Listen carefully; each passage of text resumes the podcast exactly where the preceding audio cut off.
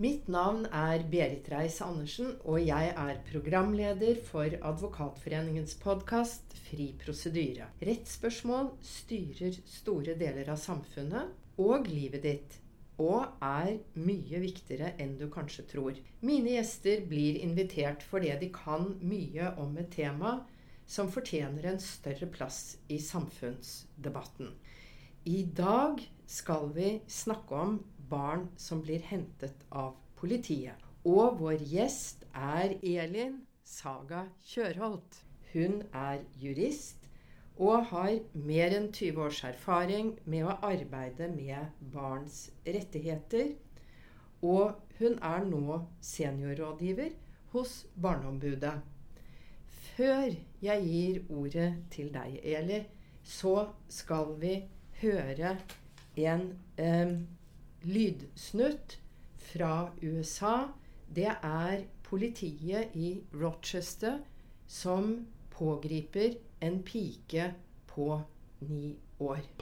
I want my Have dad. Wait! I just want to see my dad, please. For the last time. I want my dad. Dad, stop! Listen, you're up. Stop! Sit up. No! You're acting like a I want to. I am a child. Vi hører at hun gråter hysterisk, og politiet sier at We are taking you to jail, and you are acting like a child. Kunne dette ha hendt i Norge?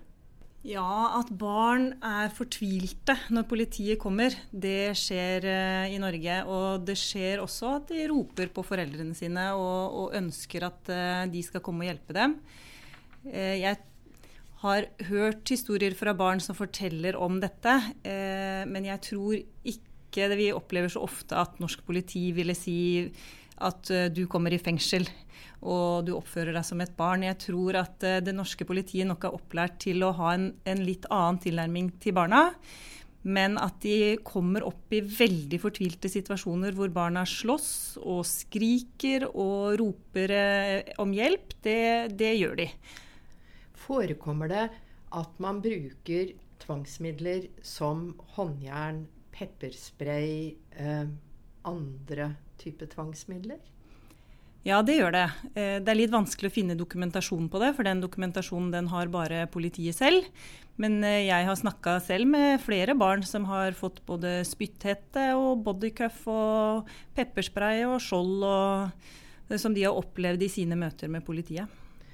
Men før vi snakker videre om det, hvordan, eh, hva som er lovligheten i dette, og hvordan man skal kontrollere dette, fortell oss først litt om hva slags barn er det dette dreier seg om?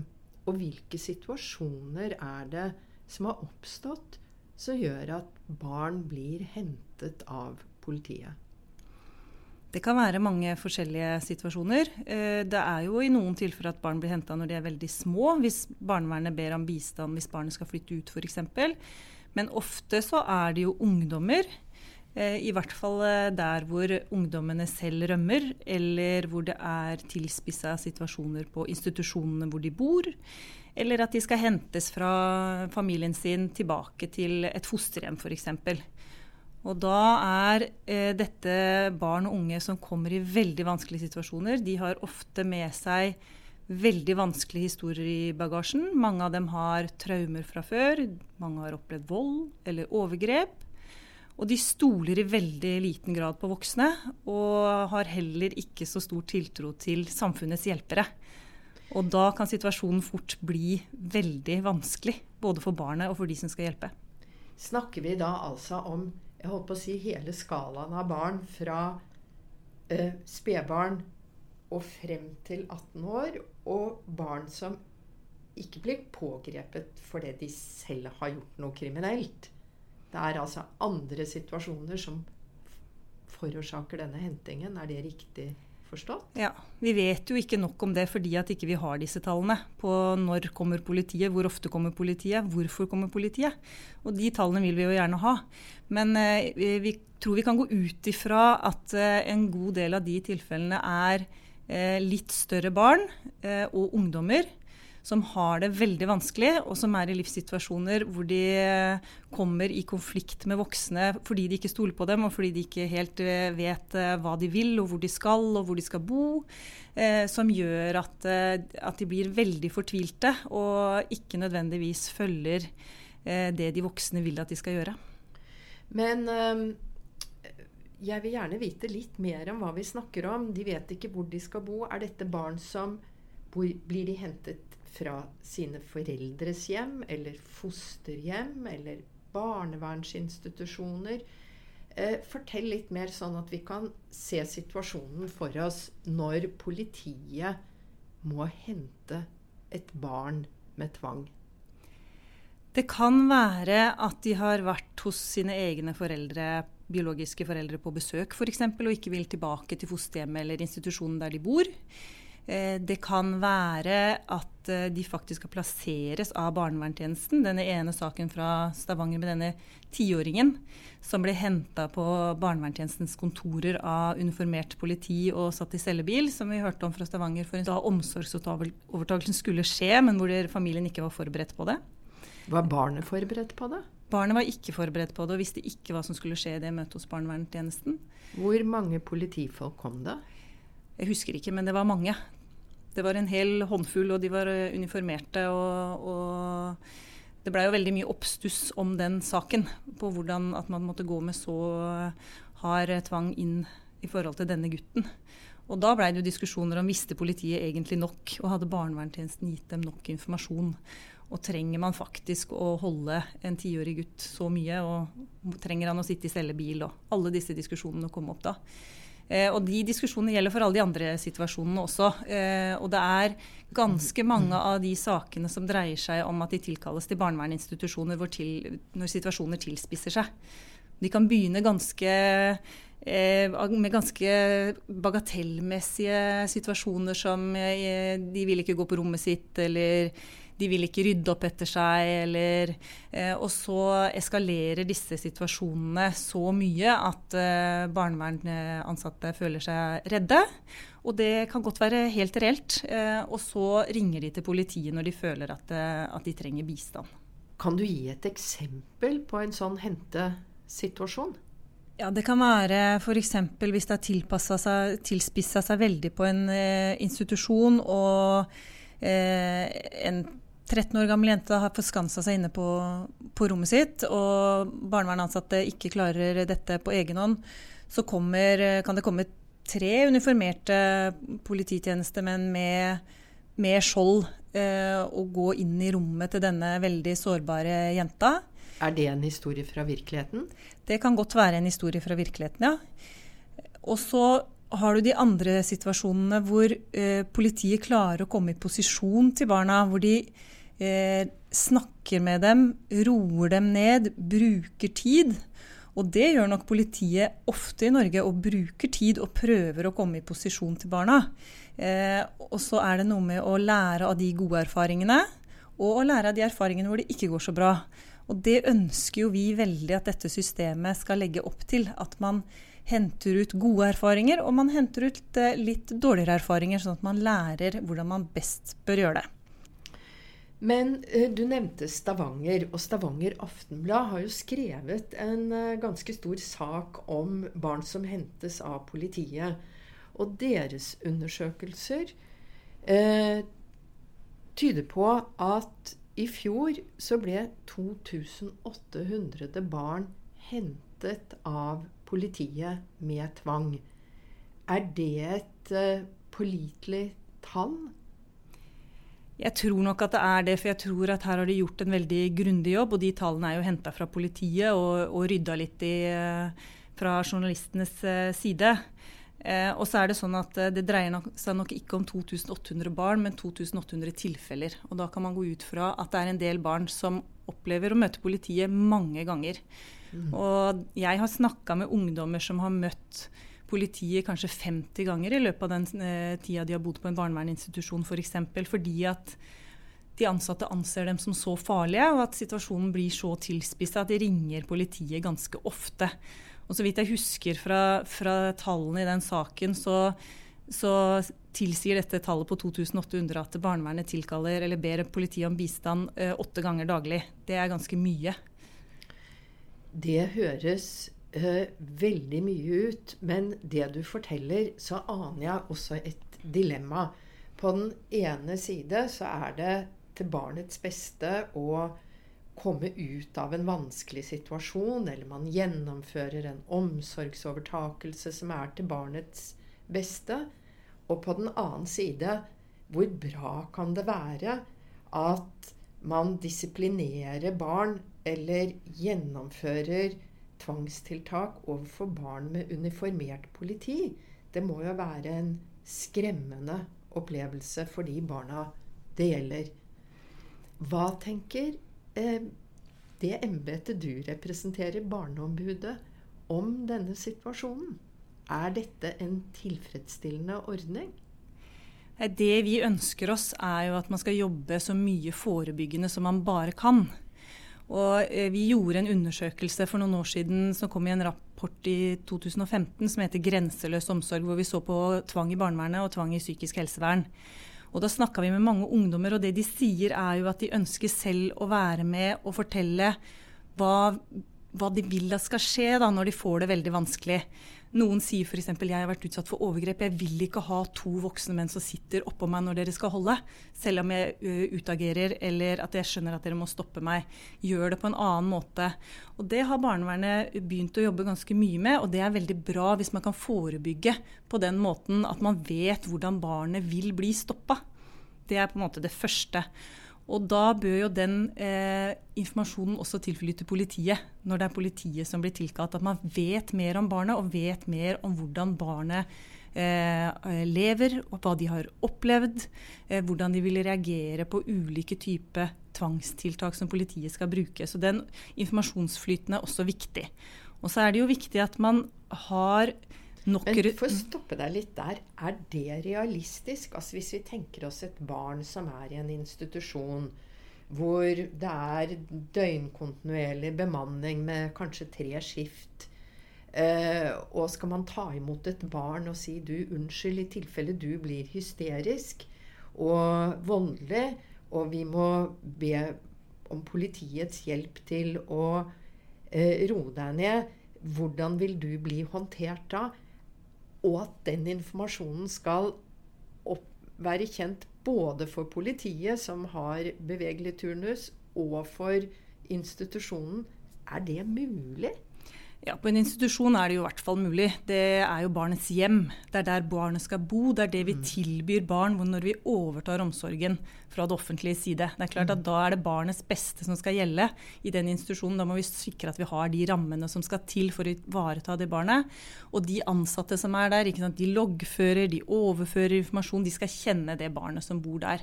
Mm. Så sånn må det være. At de er eh, godt nok eh, skodd til å ta vare på det barnet de faktisk skal ha omsorgen for. Eh, når det gjelder overføring av informasjon til politiet, så sier jo politiet ofte at de syns at de får for lite informasjon. Eh, og når barnevernet ringer, så er det ikke så vanskelig å si du, nå har vi et barn her, de har utagerer. og så er det også noe med det at det, ofte så kjenner politiet dem fra før av, for de rykker ut mange ganger knytta til det samme barnet. Så det, Noen ganger er det et helt nytt tilfelle. Da skal likevel, sånn som den saken i Stavanger, da skal jo barnevernet si til politiet noe om den situasjonen de kan møte når de kommer inn. At det, det er snakk om en tiåring, han vet ikke at han skal flytte. Det er klart han kan reagere og bli veldig fortvila for det. Sånne type informasjon må politiet vite når de går inn i saken, for de skal også vurdere.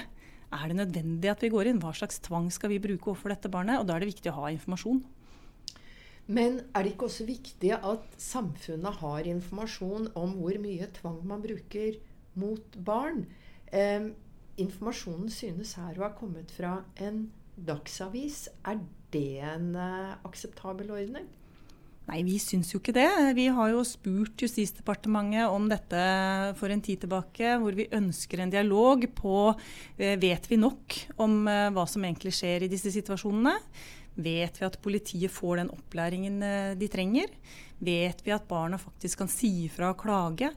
Og det mener vi at man nå må gå inn i. Det er jo noen standarder som skal gjelde når man kan bruke så alvorlig tvang og makt mot borgerne så skal det være systemer på plass som sikrer at man har kontinuerlig læring, man overprøver hva som skjer. Så Det mener vi at eh, man skal se på. Eh, og vi må huske på at barn er en veldig sårbar gruppe, og det, hvor det skal tas særskilte hensyn også. Og barn er vel ikke alltid eh, en gruppe som kan artikulere og forklare godt nok hvis de mener at de har vært utsatt for et overgrep. Hvilke kontrollrutiner har man der?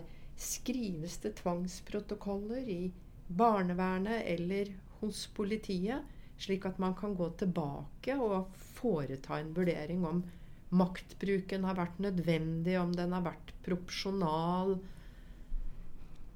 Ja, Hos barnevernet så er det sånn at de skal skrive tvangsprotokoller hver gang de bruker tvang mot barn. Og de skal sendes til det som heter, noe som heter Statsforvalteren, som tidligere het Fylkesmannen som da er et eksternt kontrollorgan som skal gå gjennom og se. Og I disse prosessene så er det sånn at uh, det er et eget felt på det skjemaet. Det er veldig mange punkter man skal skrive hvilke vurderinger man har gjort, og hvorfor det var nødvendig å bruke tvang. Uh, og da uh, er det et felt der hvor barnet skal skrive om de ønsker å klage. Og så har de ingen bistand. Og det er den som kanskje har utsatt dem for tvang, som sitter og går gjennom tvangsprotokollen sammen med dem. Og det er et stort problem. Og disse barna har jo heller ikke det store tiltroen til eh, de voksne og til eh, myndighetsapparatet. Så jeg har lest en del sånne tvangsprotokoller, og der skriver de sånn Faen ta, alt er dritt. Eh, sånne type, Og de, mange av dem kan heller ikke formulere seg i en sånn type klage. Og de får veldig sjelden medhold. Og når det gjelder politiet, så fører de sine egne logger, men de eh, har ikke en sånn type ordning. Der henvises eh, barnet til eventuelt, hvis de i det hele tatt får informasjon om det, om å skrive en skriftlig klage på egen hånd til politimesteren i distriktet. Det betyr at det er politimesteren som skal gå gjennom eh, klagen overfor sine egne tjenestefolk, og at eh, barnet selv skal sitte og skrive en sånn type klage. Det er ikke så veldig realistisk. Det er vel kanskje ikke så realistisk eh, for de eldre barna, og det er kanskje enda mindre realistisk for de yngre barna. Hvordan mener du at man kunne ha en uh, nødvendig innsyn og kontroll med maktbruken som utøves overfor barn? Vi har nå sett på om, uh, om statsforvalteren faktisk går inn og, og, overprøver. og Det ser vi jo at de ganske sjelden får barn med hold. I den rapporten som vi hadde, så så vi at det tar jo mange måneder også å behandle klagen. Da er barnet på vei et helt annet sted. De bryr seg ikke lenger om det svaret de får, eller de har flytta til et annet sted. Så at uh, tidsbruken er én ting. En annen ting er at uh, vi så noen veldig gode eksempler hvor eh, barnets kontaktperson på institusjonen hadde satt seg ned og snakka med barnet og snakka gjennom situasjonen og skrevet klagen sammen med barnet hvor det faktisk eh, ble en god fremstilling av barnets eh, side av saken. Og da ble saken belyst på en helt annen måte. Et annet spørsmål er jo det som nå er foreslått i mm, Rettshjelputvalget, om barnet skal få større grad av rettslig bistand i de sakene. Og når det gjelder politiet, så var jo noe av bakgrunnen for at vi tok kontakt med Justisdepartementet i fjor, at, at, vi mener at her må man se på ordningen. Hvordan skal man sikre at eh, barnet faktisk kan få sagt ifra, og at man har en læring og evaluering av den praksisen man uh, har i politiet. Det kan godt være at den uh, er god i de aller fleste tilfeller, men vi må jo vite om det. Og vi må jo ha den kunnskapen sånn at vi kan sikre læring. Men 2800 hentinger av barn hvert år. Er det nødvendig? Er ikke det et bekymringsfullt høyt tall? Jo, det høres jo sånn ut. Og så er det tallet litt sånn Det er de, det antall ganger barnevernet ber politiet om bistand. Og det kan være mange ting som ligger i det, men vi vil jo gjerne vite hva det er. Hvis 1000 av de tilfellene er spørsmålet om å hente barn og kjøre det fra en institusjon til en annen fordi at eh, man anser det som en risiko i bilen, så, så er det én opplysning. Og da er spørsmålet hvorfor må man det? Men, men hvis det er andre eh, ting som Hvis vi sier at 1000 av de tilfellene er eh, eh, eksempler på på tilfeller hvor politiet faktisk bruker ganske harde tvangsmidler mot barn, så er jo det kjempealvorlig. Da må vi gå inn og si hvorfor det. Og vi lurer jo på da, ikke sant, er det sånn at barn egentlig er veldig syke i norske barnevernsinstitusjoner. At de ikke får den hjelpen de trenger i forhold til helse f.eks. Som gjør at det blir så tilspissa situasjoner eh, at de må tilkalle politiet så ofte. Denne kunnskapen er viktig for at vi skal kunne gjøre en jobb og ivareta barna på best mulig måte. Og kanskje det aller viktigste er at vi alle som borgere også vet at dette skjer, og at vi vet om det og diskuterer det.